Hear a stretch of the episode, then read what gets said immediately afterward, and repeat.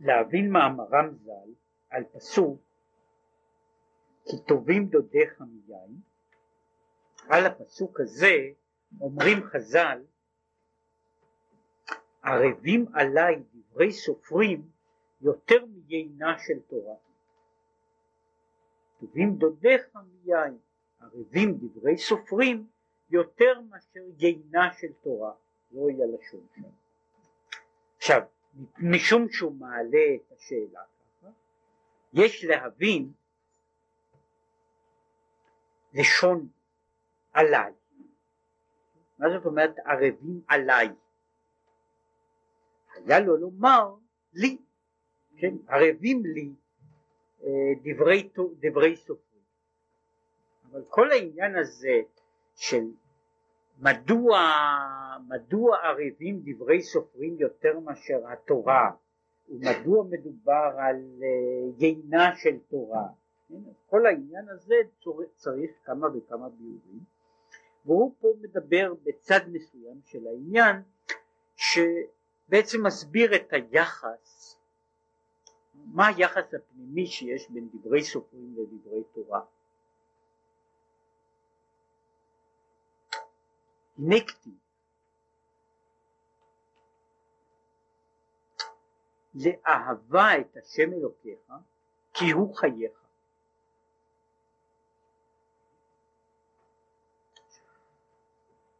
פירוש כי הוא חייך.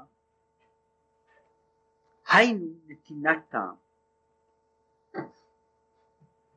וכנודע דחי משמש בארבע לשונות כאן בעצם העניין הזה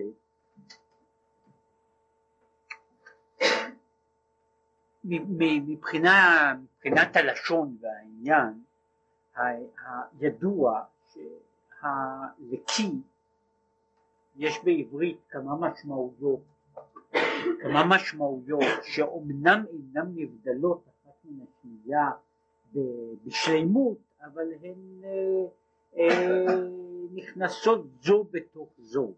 אה, ויכול להיות, יכולים להיות הבדלי, הבדלי משמעות כי יכול להיות כאשר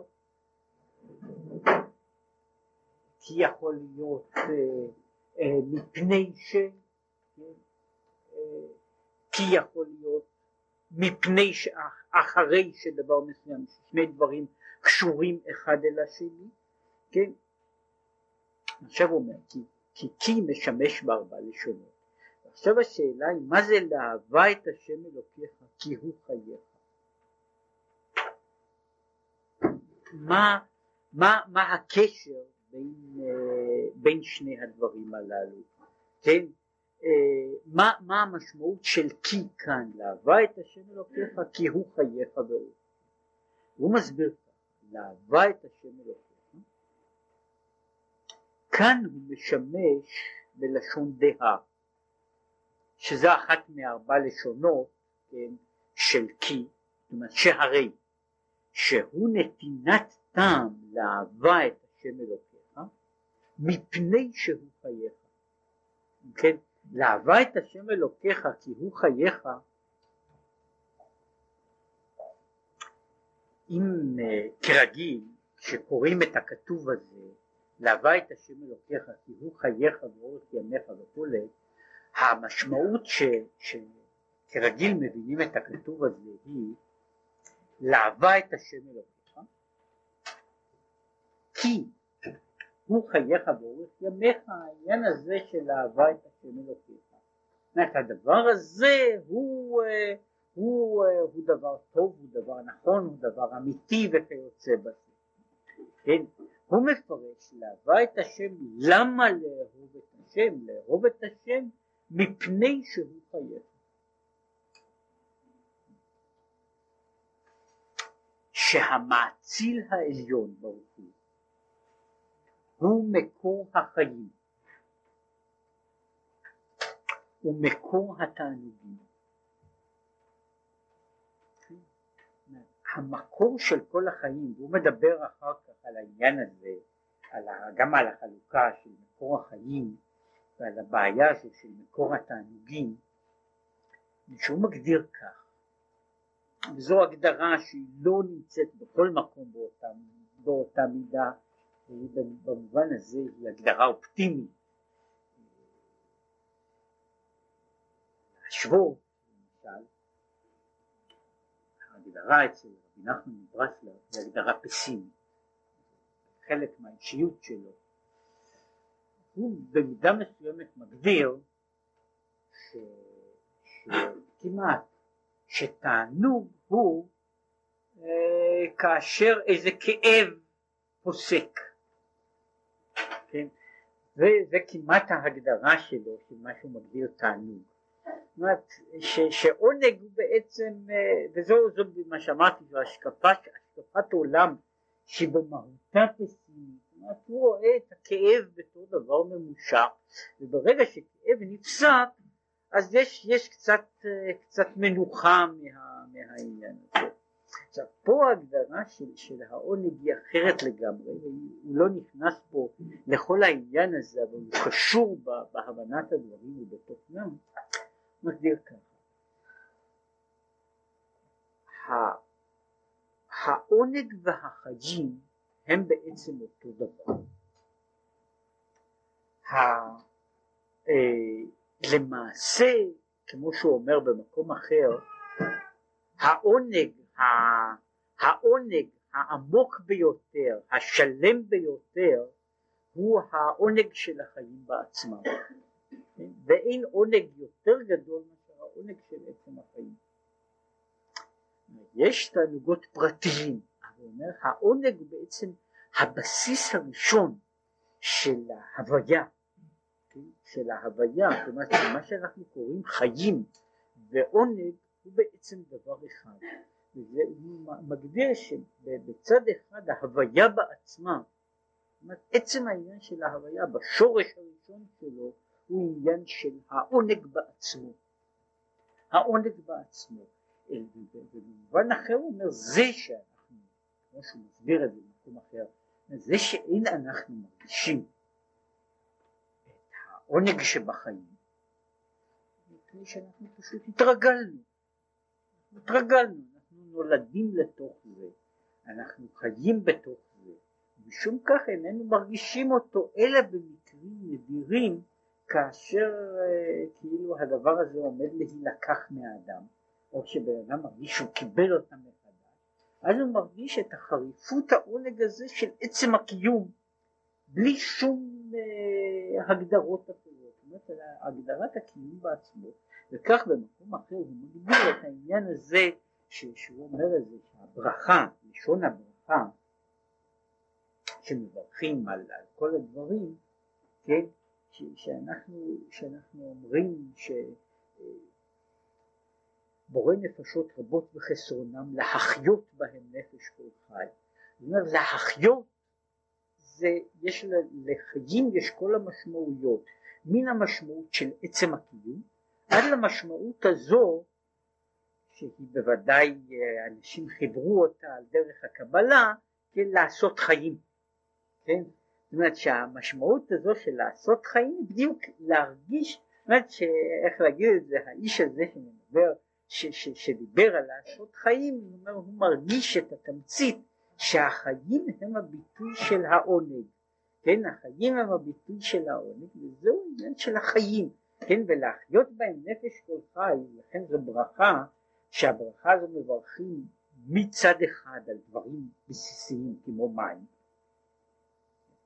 מברכים את בורא נפשות על מים, הרי בן, וגם על המעדנים שבן אדם אוכל, הם גם כן נכנסים בתוך העניין הזה, שלהחיות בהם נפש כל חי קשור בדיוק לתפיסה הזו של המכלול של כל, ה, כל מיני ההנאות של, ה, של המציאות, שהם מן הקיום בעצמו עד ל, לכל מה שנובע ויוצא. עכשיו הוא אומר, אז להבה את השם לוקח, הוא הקדוש הוא, מקור החיים ומקור התענוגים, וכמו שכתוב כי עמך מקור חיים. עכשיו, וממך הכל כתיב, שממנו נמשכו כל החיים והתענוגים הנמצאים בארבע עולמות אצילות בריאה יצירה עשייה והוא יתברך הוא חיי החיים. אם כן ההגדרה וההבנה בעניין הזה היא לפי זה ככה. הוא בעצמו הוא בעצמו הוא חיי החיים משום שכל מה שיש בו חיים שופע ממך מקור חיים. ובכל הדרגות של חיים. זאת אומרת כל דבר דבר שיש בו חיים יש בו הסימן החוויה של החיים חוויית, החוויה של העונג המהות של החיים הקיום בעצמו הוא העניין הזה של קיומך מקור חיים וזה מה שהקדוש ברוך הוא הוא נותן חיים לכל העולם ומשום כך הוא בעצמו הוא חיי החיים. זאת אומרת הוא השורש של החיים, הוא החיים של החיים, החיים ש, שנותנים קיום לחיים, כן? הוא החיים של החיים, וזה מה שהוא קורא לזה שמדברים עליו, חיי החיים, הכוונה היא שהוא החיים של, של הדבר הזה שנקרא חיים בכלל.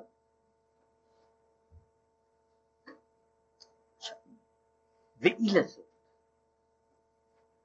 כשיתבונן האדם בזה, כאשר האדם מתבונן בעניין הזה של כי עמך מקור חיים, מתבונן בתוך העניין הזה של כי עמך מקור חיים, בעניין הזה של כי הוא חייך, כאשר האדם מתבונן בנקודה הזו, יומשך מזה לאהבה את השם כמו שאוהב האדם לחיי נפשו, כך יאהוב את השם שהוא חיי החיים כולם וחיי נפשו בפרט.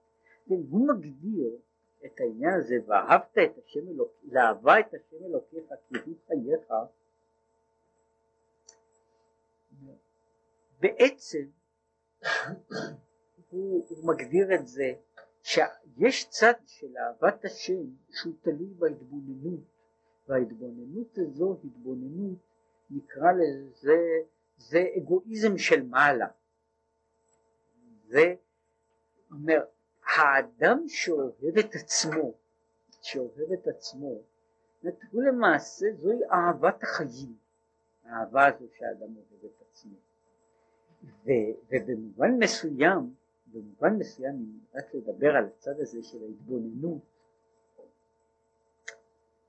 חלק מדרגת ההתבוננות בכל הדרגות שיש לדבר הזה בכל האופנים שיש לעניין הזה של התבוננות היא שיש לאדם הכרה אלא שההכרה הזו איננה בהירה כדי שההכרה תגיע לכלל בהירות צריך לברר אותה לטהר אותה לנקות אותה כאשר אדם מטהר אותה, מנקה אותה, אז הוא מגיע למה שקוראים לזה להבנה. הוא אומר, אהבת עצמו, כשלוקחים אותה אצל תינוק קטן, אין לה לא הגדרה ברורה ולא משמעות ברורה. הוא, האהבה הזו לא שהוא לא אוהב את עצמו, אלא שהוא, ל, ל, ל, למהות הזו אין, אין הגדרה, אין לה, אין לה תפיסה, אין לה תפיסה בהירה. ככל שבן אדם גדל יותר, חלק מהבעיה, שלכן אמרו ש... שבתוך התאוות של האדם, שאמרו שדרכו של האדם זה מן הקנאה אל התאווה אל הכבוד. זה מסלול החיים הרגיל. אצל ילדים קטנים הדבר הזה שעושה נראה בתור הגורם המרכזי, המניע המרכזי הוא הקנאה, החיקוי, הבדיקה של אחרים. כשעוברים את הגיל הזה לא צריך יותר לקנא מפני שמקבלים תאווה לבד ואחר כך כאשר אה, יש אנשים שחושבים שהם ניצחו את היצר הרע בדרך כלל זה רק סימן של זקנה כן שהיצר הרע קצת ככה מתמעך בדרך הטבע?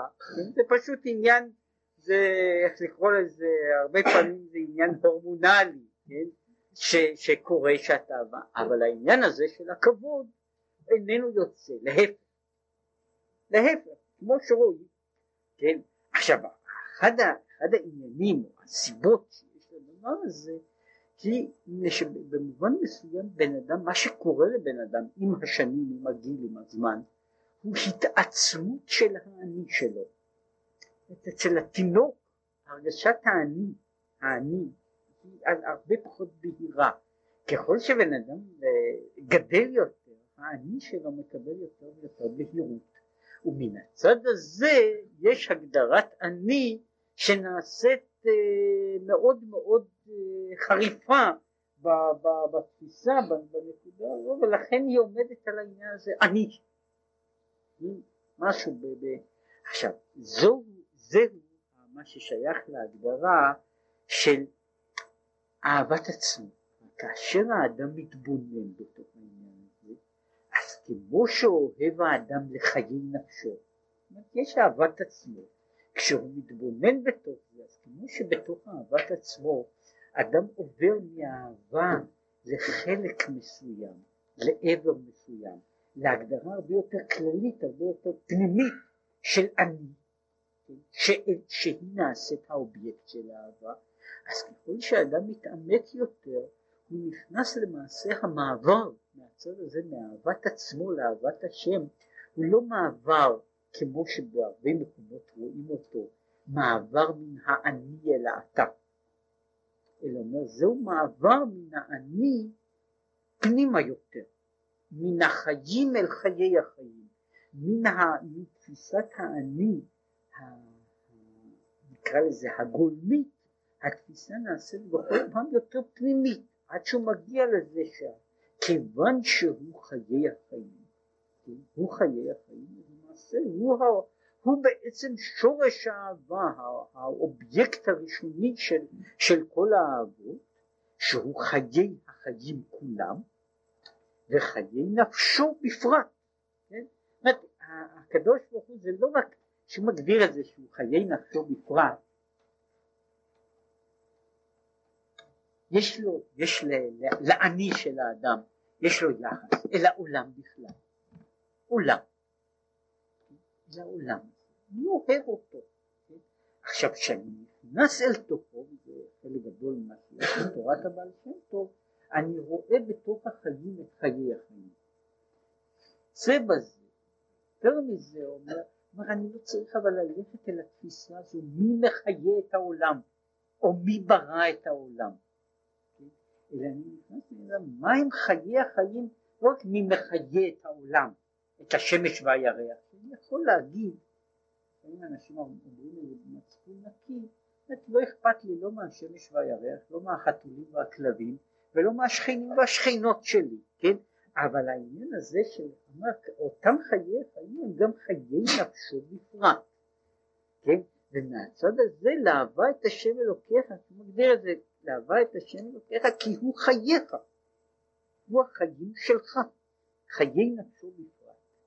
כן? וזה מה שהוא קורא לזה, זוהי אהבת השם, שהיא מגיעה על ידי ההתבוננות, שבת הלב, ההתבוננות הזו, שהיא למעשה עידוד, לא עידון, היא לא סובלימציה של אהבת עצמו, היא רק מעבר מהנקודה, מהגולמיות, שאהבת עצמו מתבססת, נקרא לזה על, על עניין חיצוני, גולמי מאוד, והיא נעשית יותר ויותר מופנמת, וכשהוא מפנים אותה מעבר לדרגה מסוימת, כן, אז העניין הזה של, של אהבת השם מגיע בתור תמצית החיים, המהווה, המחיה את החיים בעצמם.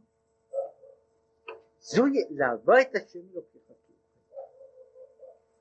אך אהבה זו שנמשכה מן הטעם כי הוא חייך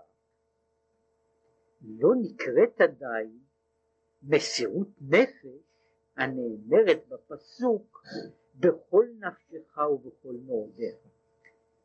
עכשיו הוא מעמיד את זה, יש אהבת השם כי הוא חייך. האהבה הזו לא יוצרת מסירות נפש, וזה מובן, ושהאהבה זו, כמו שאומר, יש אהבת השם שהיא באה מזה שהאדם כאילו גדל. אהבת באה מזה שהאדם גדל, שהוא רואה את מהות עצמו בהיקף יותר, יותר גדול, שמהות עצמו מקבלת לא רק, כמו שאמרתי, חלק מסוים מהתהליך הזה של הגידול אצל כל בן אדם הוא המעבר מתפיסת זיהוי האני עם חלק בגוף, עם גוף, אל תפיסת האני שמזהה את האני איזושהי הוויה נפשית. עכשיו אני אינני מדבר על צדיקים דווקא, כן? אני מדבר על, על מה שלכן דיברתי על הקנאה, התאווה והכבוד, אז שבן אדם מתחיל לזהות את האני, האני נעשה יותר ויותר המהות הזו, מה נמצא, לא רק הכלי, אלא מה נמצא בתוך הכלי הזה, שהוא נעשה האובייקט, עכשיו הוא אומר אם בן אדם ילך עמוק יותר, פנימה יותר בתוך זה, אז הוא מוצא את הקדוש ברוך הוא מעבר לדברים האלה. זוהי אהבה שהיא כמו שאומר זה היא העמקה, היא המשך של אהבת עצמו, כן? היא אהבת עצמו שמביאים אותה עד לקצה והיא יכולה להגיע בדרגה מסוימת לדרגות גבוהות מאוד, לדרגות מאוד מאוד נעלות של, של נקודת האהבה, אבל זאת לא אהבה של מסירות נפש, מאחר שנמשכה מן הטעם כי הוא חייך. יש דבר כזה, אם כי הוא חייך, פירושו של דבר אני אוהב אותו כמו שאני אוהב את עצמי, אבל בתוך אהבת עצמי נמצא כאילו אני לא יכול להרוס את, ה, את העניין הזה של, של מהותי העצמי, אף על פי שיש בזה דקויות, יש בזה דקויות, ויש אותה הרגשה, אותו דבר ש, שיכול, שיכול להביא אדם, הוא חלק מהעניין של באיזה מדרגה בן אדם מרגיש את העניין הזה של הוא חייך. יש בשביל אדם אחד הוא חייך, הוא עניין של הרגשה, של תודעה שטחית. יש בשביל אנשים שזו חוויה, חוויה פנימית, חוויה ושיש זמן מסוים כשם שאדם שקורה במציאות הוא מוכן להשאיר יד או רגל כדי לשמור את החיים. שזהו שוב תהליך של, של התפתחות שהאדם יכול לראות את ההבחנה בין מה שקוראים לזה בין האני החי לבין חלק מסוים מהגוף. כך יש צד אחר שבו בן אדם יכול לראות את גופו רק חלק כמקטע הזה. בתמצית הבעיה הזו של ואהבת את השם אלוקיך בכל לבבך, בכל נפשך, אפילו נוטל את נפשך, היא עומדת במובן מסוים נגד העיקרון הזה שהוא העיקרון של כי הוא חייך הוא בצד מסוים הוא אגואיסטי הוא מתחיל מעני אבל כשהוא ממשיך ומעמיק ומעמיק בתוכו הוא ממשיך באני ויש סוג אחר של אהבה שהיא אהבה במהות של האחר שהוא אומר בעצם תן את האני שלך? שזהו העניין של בכל נפשך תן את האני שלך. עכשיו הוא מסביר באותו עניין ונודע שבחינת טעמים, כאן יש רק הערה דרך הסוד, שבחינת טעמים, נקודות, תגים אותיות, הוא בבחינת הנאצלים. טעמים הם בחוכמה, נקודות הם באופן, באופן כללי אה, נקודות שייכות שוב בדרך כלל זה הולך לחוכמה בינה אה, תפארת מלכות כן? או לארבעה עולמות שטעמים הם כנגד אצילות אה, נקודות הם, הם כנגד הם כנגד, כנגד בריאה תגים הם כנגד יצירה ואותיות הם כנגד עשייה. וכך יש הדרגות הללו. אבל מה שהוא רוצה לומר שגם הטעם שהוא מה שאנחנו קוראים בכל המשמעויות גם הטעם שנמצא על האותיות גם הטעם במובן של נימוק סיבה הוא בסופו מגיע לנקודת החוכמה טעם קשור לחוכמה אבל המאציל אינסוף ברוך הוא מרומם ונשגב אף מגדר החוכמה. וכמו שכתוב כולם בחוכמה עשית שהחוכמה נחשבת לעשייה גשמית כמי דבריו.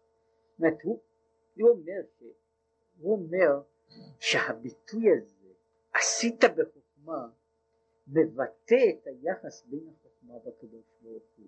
הוא אומר הוא לא חשבת בחוכמה, הרהרת בחוכמה, אלא עשית בחוכמה בערך באותה לשון כמו שאני אומר עשית במעדר, עשית בפטיש. זאת אומרת חוכמה בשביל הקדוש ברוך הוא היא כלי המעשה, לא כלי המחשבה, אלא כלי המעשה.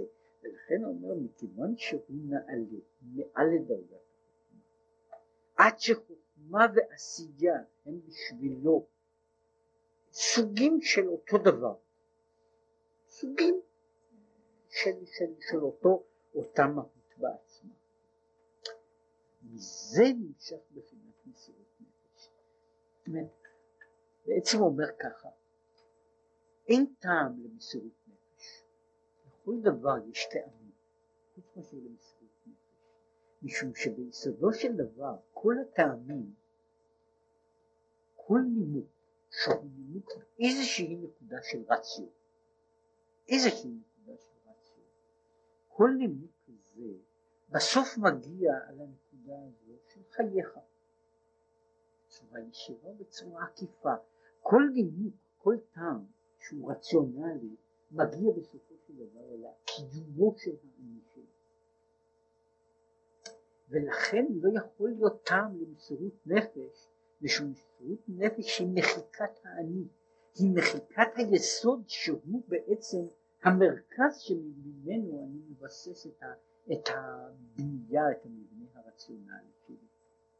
ולכן הוא אומר, גם כשאני עולה, ככל שאני עולה, אין משמעות לעניין הזה של, של מסירות נפש. אבל הוא אומר, כיוון שהחוכמה וכל עולם, נקרא לזה, כל עולם חשיבה וכל עולם של סיבה ומסובב הוא רק חלק מן המציאות ומפני שהקדוש ברוך הוא בעצמו הוא מעבר לחוכמה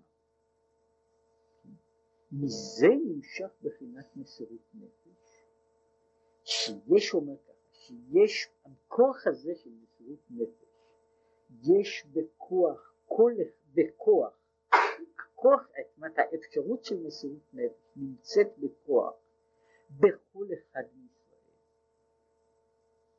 ושזה בשביל בעל התניא זה, זה במובן מסוים, הייתי אומר, ההגדרה שקשה לעשות עליה ניסיון, כן, בשביל לעשות אותה בשביל הגדרה של חוק השבות, אבל ההגדרה הבסיסית שלו, מה זה יהודי?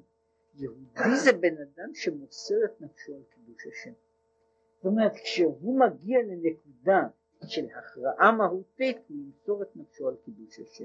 אני אומר שקשה לעשות את זה בתור מבחן לעולים חדשים, כן, אבל, אבל כהגדרה, כהגדרה בעניין הזה, זאת ההגדרה שלו שהוא מגדיר אותה. זאת אומרת, הוא הגיע כל כך רחוק, שהוא אומר במקום אחד, ככה היו אומרים בשמו, ששום יהודי עוד לא השתמט. ושהוא אומר שבן אדם שמשתמט הוא מוכיח על עצמו שמעיקרו לא היה יהודי. כן, זאת אומרת, הוא טוען שהעניין שבן אדם לא יכול לעמוד, יש נקודה מסוימת שבה בן אדם, שבה, שבה שום לחץ לא יגרום לו לשנות, לשנות את עצמו, אם הוא שייך לנקודה הזאת. תמצית אומר, מאיפה זה בא? לעניין הזה אומר, אין, זה נמצא בכוח בכל אחד מישראל. מדוע? מחמת שמלובש בנשמתו הערה מבחינת אינסוף ברוך ואותה הערה של נקודת האינסוף היא למעלה מן החוכמה והטעם. מפני שיש מה שבמקום אחר הוא קורא לזה חיה שבנפש, יחידה שבנפש, יש נקודה בנפש שהיא בעצם מה שהוא קורא חלק אלוקה ממעלה. והחלק הזה הוא מעבר לכל עניין של טעם, של שכל, ולכן הוא אומר, הוא יכול למסור נפשו באחד בלי טעם ודעת? רק מצד האהבה הפשוטה לשם. זו, זו הנקודה, זאת אומרת, יש, יש אהבה לאהבה את השם כי הוא חייך, וזוהי אהבה שיש לה טעם, כן, וטעמה הוא בעצם, שהוא הגדיר על זה בבחינת העונג, טעמה והעונג שלו הוא בעצם בן אדם נכנס עמוק יותר, ופנימה יותר, לנקודת החיים. שבצד מסוים כל הכניסה הזו לעבודת השם היא כניסה אל חיים יותר שלמים, יותר אינטנסיביים, יותר מלאים. זוהי הנקודה של אהבה את השם כי הוא חייך. כן? שזוהי נקודה בחינת הטעם, אלא שהטעם נעשה בכל פעם יותר טוב. כן? אבל יש, שאומר, העניין של מסירות נפש הוא בתמצית שלא לפי טעם, הוא למעלה מהטעם, ומפני שיש באדם ניצוץ שהוא חלק אלוקה ממעל. והניצוץ האלוקי הזה הוא מעבר לנקודה של הטעם, והוא לא נזקק לטעם הזה, ולכן הוא מוסר את נפשו להשם, להשם, כן? אהבה פשוטה להשם, המרומם לבדו, ואין ארוך אליו כלל, וכמו שכתוב, אני הוויה לא שניתי, זאת אומרת אני לא השתניתי, וכוונתו בין קודם שנברא העולם ובין אחר שנברא העולם אין בו שום שינוי והתפעלות כלל. עכשיו הנקודה היא פה, יש צד אחד שהוא אהבת השם, שכמו במקום אחר בלשון טכנית יותר היה אומר, היא אהבת השם הממלא כל עולם. זאתי אהבת השם של קיום חייך. זאתי אהבה אל האור האלוקי שממלא את הקיום.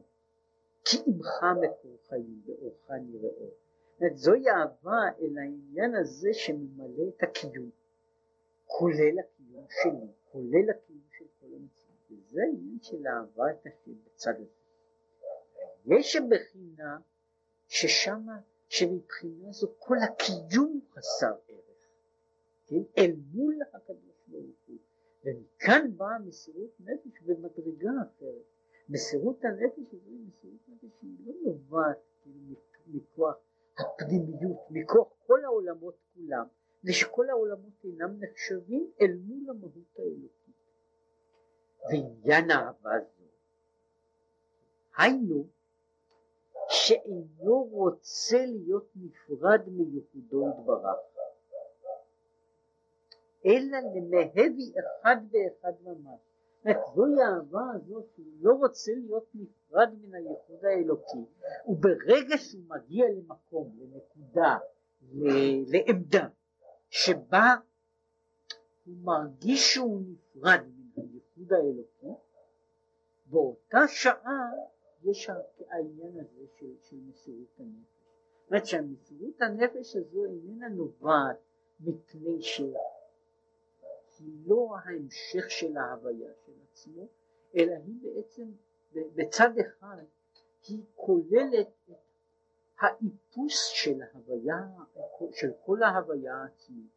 ההוויה העצמית האנושית נעשית לא חשובה, כל כך לא חשובה, כל כך לא מרכזית, עד כדי כך שהאדם, האדם מרגיש שאם אם הוא מנתק את עצמו מהשם, הוא מנתק מעצמו את כל הקיום.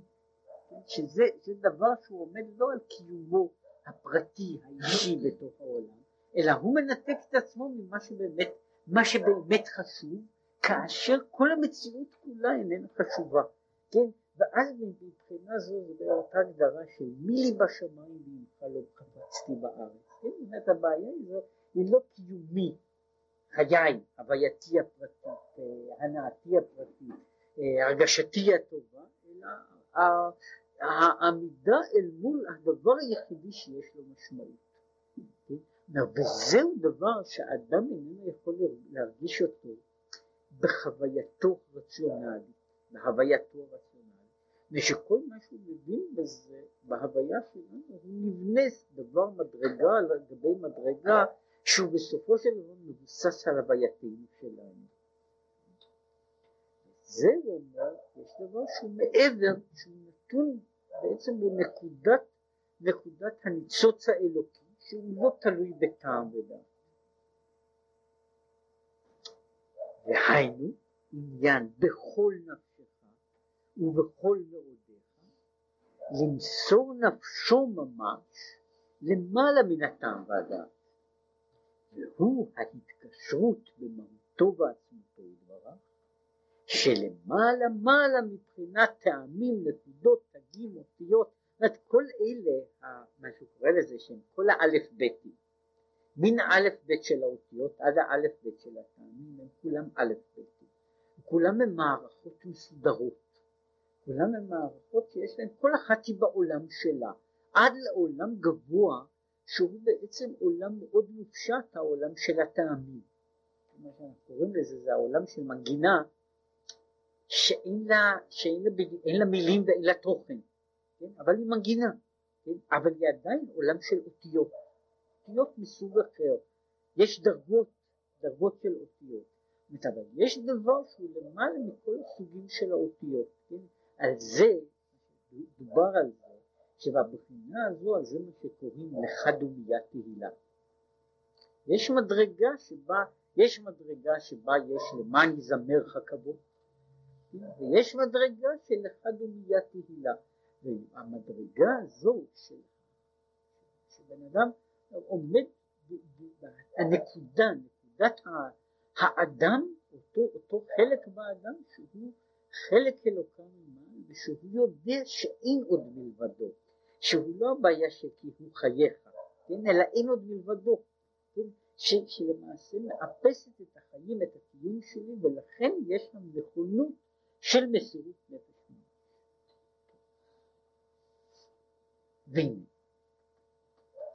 אהבה זו ומסירות נפש זו יש בכל אחד מישראל בכוח. אהבה זו שהיא אהבה אהבה בבחינת אינסוף, מסירות נפש של, של למסור את נפשו על קדושת השם, שהיא קיימת בכל אחד מישראל בכוח, אלא שמבחינת העלם והסתר, ולמעשה חלק גדול מספר התניא למשל עוסק בשאלה הזו מדוע אותו אדם ישראל ומצאו כבר אנשים כאלה מישראל והיו, יש שורה ארוכה גם בעבר ואני חושב לפי בדיקה קטנה שאפילו בהווה, שבן אדם שבהגיע נקודה כזו של הכרעה שבה הוא יכול, צריך כאילו מרגיש פעם אחת שהוא עומד, צריך לקשור את עצמו עם הקדוש ברוך הוא נגד הקדוש ברוך הוא ואז הוא ימות על קידוש השם ולפעמים ימות על קידוש השם לא רק במוות סתם, אלא במוות במיתה קשה. הוא יעשה. הוא שואל במקום אחר, בספר התניא אומר, מדוע האיש הזה, שיש בתוכו כוחות נפש למות על קידוש השם, אין לו כוח לשבור אפילו תאווה קטנה לכבודו של הקדוש ברוך הוא בלי למות עליה. הוא אומר, למות וייסורי מיתה הם בוודאי יותר קשים מאשר נאמר לא לדבר במקרה ברגע אחד לשון הרע. אומר אבל מספר מתברר, הייתי אומר, לא לחטוא בישראל, הייתי אומר שסך הכל שמספר האנשים שמתו על קידוש השם הוא יותר גדול ממספר האנשים שלא דיברו לשון הרע. אומרת למרות שלכאורה יותר קשה לעשות דבר אחד מאשר הדבר השני. הוא מדבר על העניין הזה, וזה חלק מה, מהבניין של, של הספר וה, וה, והתמצית שלו, מדוע, מדוע זה קורה, הוא מדבר שיש העלם. זאת אומרת שלמעשה זהו, כשאדם מגיע למצב המיוחד הזה, שהוא קורא לזה של חשיפת האני הפנימי, שהיא באה בנקודות, בנקודה קריטית, אז מתגלה בתוך האדם משהו שהוא שובר את כל האישיות הקודמת שלו עם כל המושכלים ועם כל הידיעות שלו ועם כל מה שהוא מבין ומשיג ויודע על כל הדברים והוא אז ימסור את נפשו על קדושת השם בלי להבין אפילו מה בדיוק קורה איתו כן? אבל כשהוא נמצא בתוך העולם המורגל, רציונלי שלו, בתוך העולם הזה העולם חי במסלול אחר, מה שהוא קורא שיש לעניין הזה, הדבר הזה נמצא בכוח, הפוטנציאל של מסירות נפש נמצא בכל אחד מישראל, בפועל הוא בהסתר בהלם. עכשיו הוא אומר,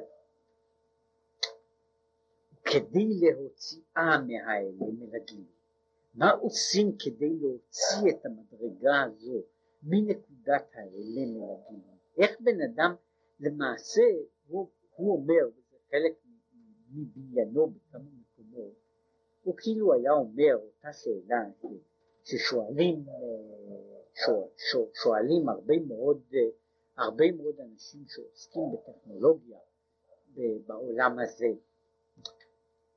בתוך כדור הארץ בפנים יש חום גדול.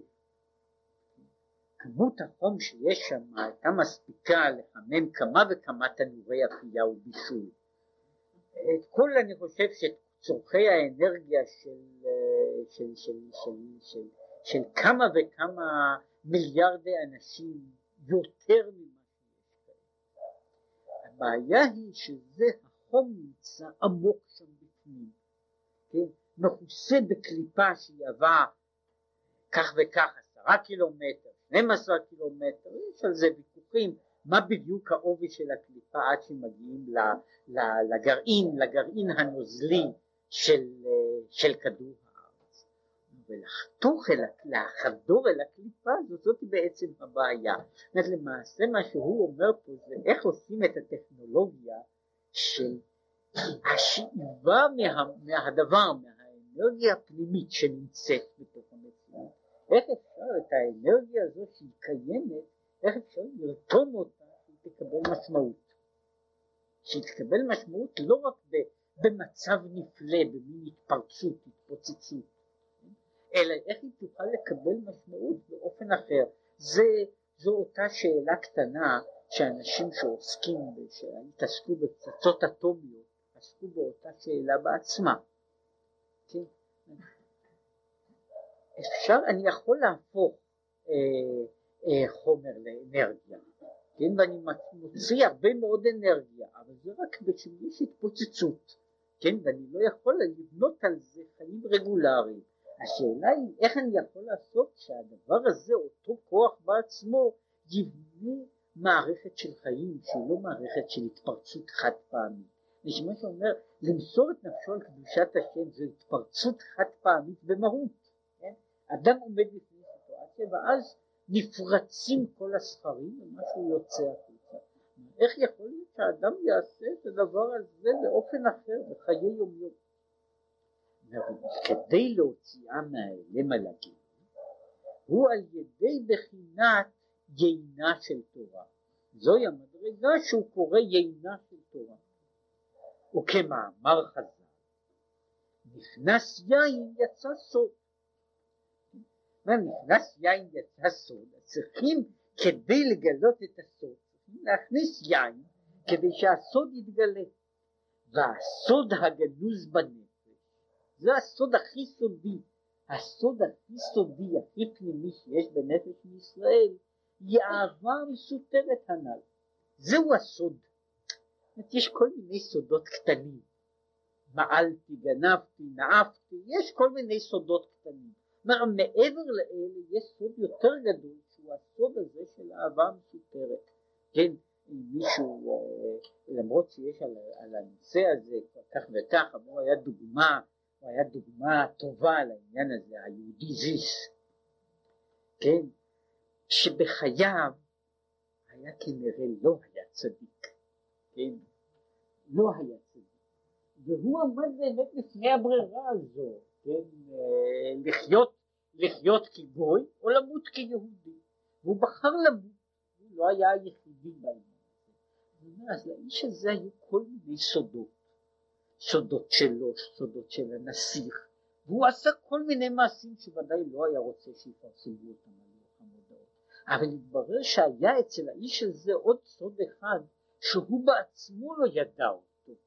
וזה היה הסוד הזה כשהעמידו אותו מול הניסיון, אז הוא בחר למות על קידוש השם, כן, עם כל מה שהיה כרוך בזה, ולא לחיות, כן, זאת אומרת, הנקודה הזו, מה של הסוד, יש איזשהו סוד פנימי, הבעיה איך מגלים את הסוד, זה הסוד הגלוי בנפש, ועל ידי שייכנס בנפשו בחינת יינה של תורה, ומהו יינה של תורה? שהוא בחינת קיום התורה ומצוות שעל ידי זה נמשך התגלות האהבה שיהיו בוערים באהבה פשוטה למהבי אחד ואחד. זאת אומרת, התמצית של התורה הוא כאילו אומר ככה, מה עם התורה והמצוות? התורה והמצוות הם יין שעשוי כדי שהנפש תגלה את הסוד שלה. והסוד שלה הוא שיש לה אהבה לשם שהוא מגדיר אותה בתור אהבה פשוטה.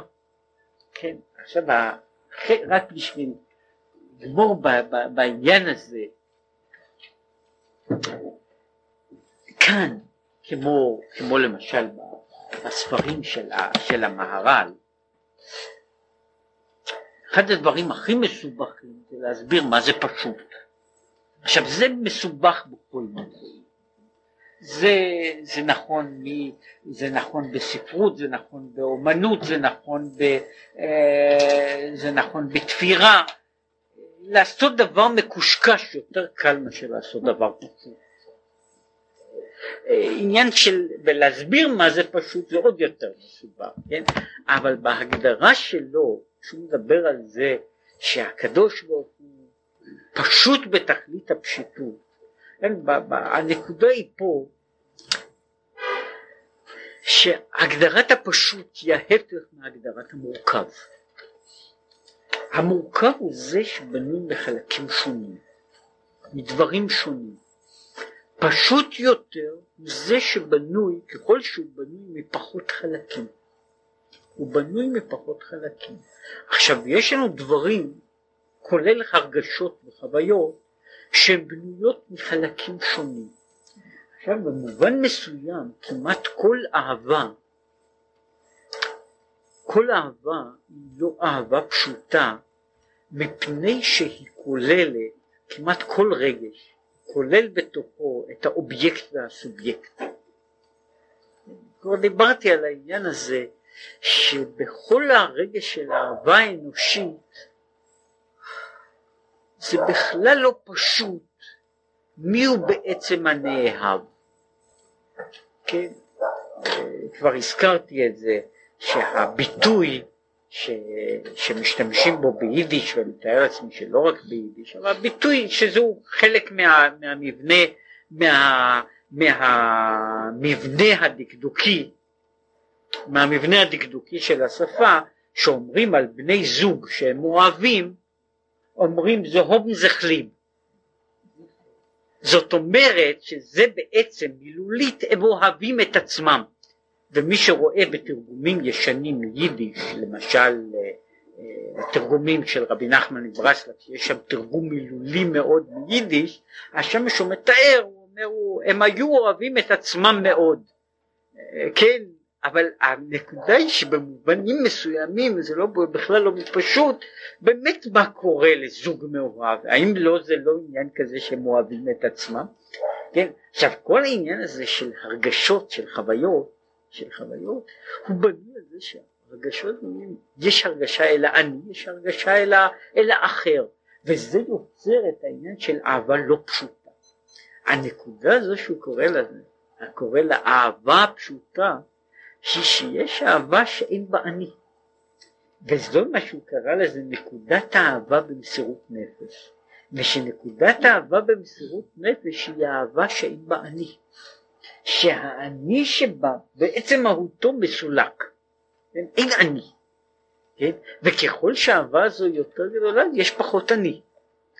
עד שהוא מגיע לביטול, זוהי הרי הנקודה שמדברים על, ה, על, ה, על הבעיה הזו של, ה, של מסירות נפש, שנמצאת כל כך הרבה, גם בכתבי הארי, גם במקומות אחרים, היא הבעיה הזו שכמעט כל רגש אנושי הוא מה שקוראים הוא דיפולרי, דו, הוא דו קוטבי, יש בו שני כתבים, יש בו הנאהב והאוהב,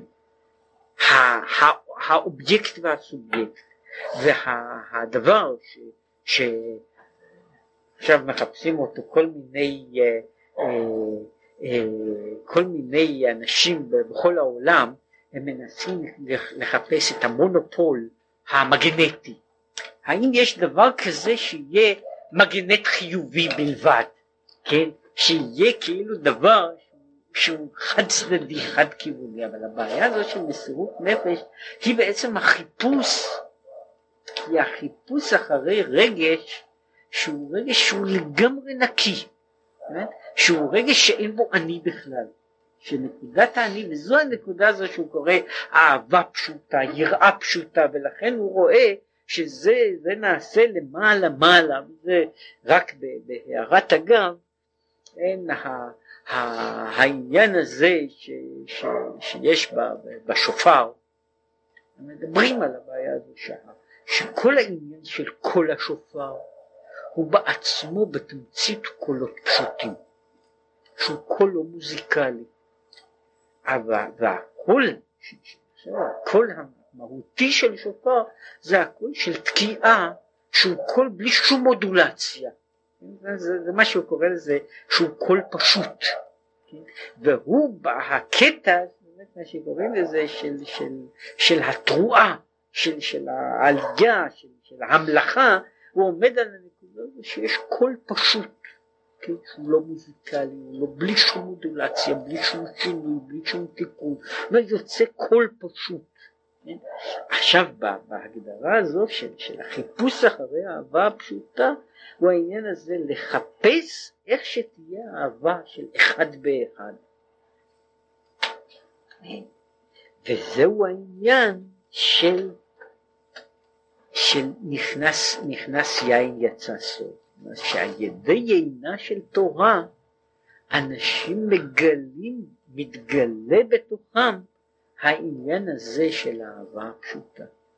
ושהתמצית כאילו שהתפקיד של, התפקיד של יינה של תורה הוא לגלות בתוך האדם את היחס הפשוט, את היחס הזה שהוא קורא לזה, היחס שהוא לא נובע, יש דברים שהם נובעים מתוך האדם, זהו היחס שעובר שהוא בעצם במהות, אפשר לומר ככה, איך יכול האדם לפתח בתוך עצמו מהות טרנסדנטית?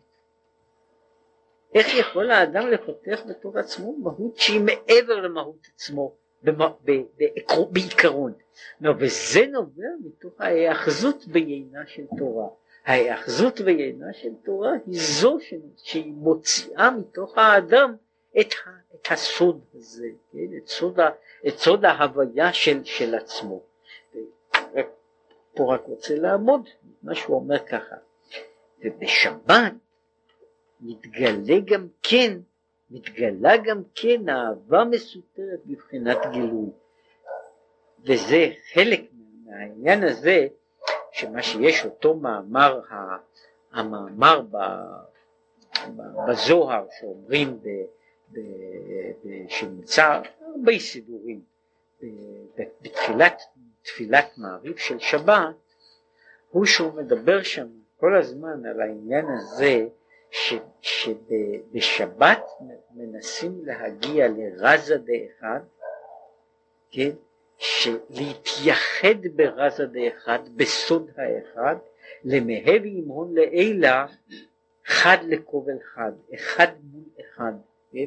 עכשיו שם כל העניין הזה, שמי מסתכל בעניין הזה יראה שגם שם כל התפיסה הזאת של שבת ונשמה יתרה בשבת היא בעצם ששבת היא בעצמה איזושהי נקודה שבה יכול האדם להגיע מן העניין הזה של, של המורכבות אל עולם יותר פשוט, אל מהות של האני הפשוט, ושם הוא יכול לעמוד, מה שהוא מדבר פה, שהוא קורא לזה שיהיו בוערים באהבה פשוטה למהבי אחד ואחד, כן? שזו בעצם הנקודה שקורא לזה, זהו סוד השבת הוא למהבי אחד ואחד, כן? ש...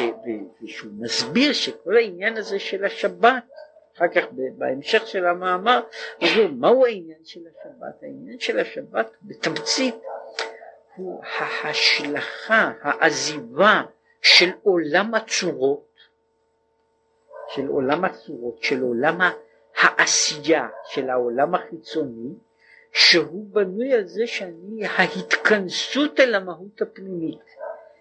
שהוא התמצית שמגדירת, התמצית השבת היא שאני עוזב את העולם, את עולם הבריאה, את העולם הנעשה, את העולם שנוצר, וחוזר אל המהות האלוקית בעצמה, וזה מה שהוא קורא לזה, העניין הזה של מהבי אחד ואחד, שהוא התמצית של השבת, שהוא בצד אחר גם כן אופן מסוים שבו פועל בתוך העולם העניין הזה של גינה של תורה.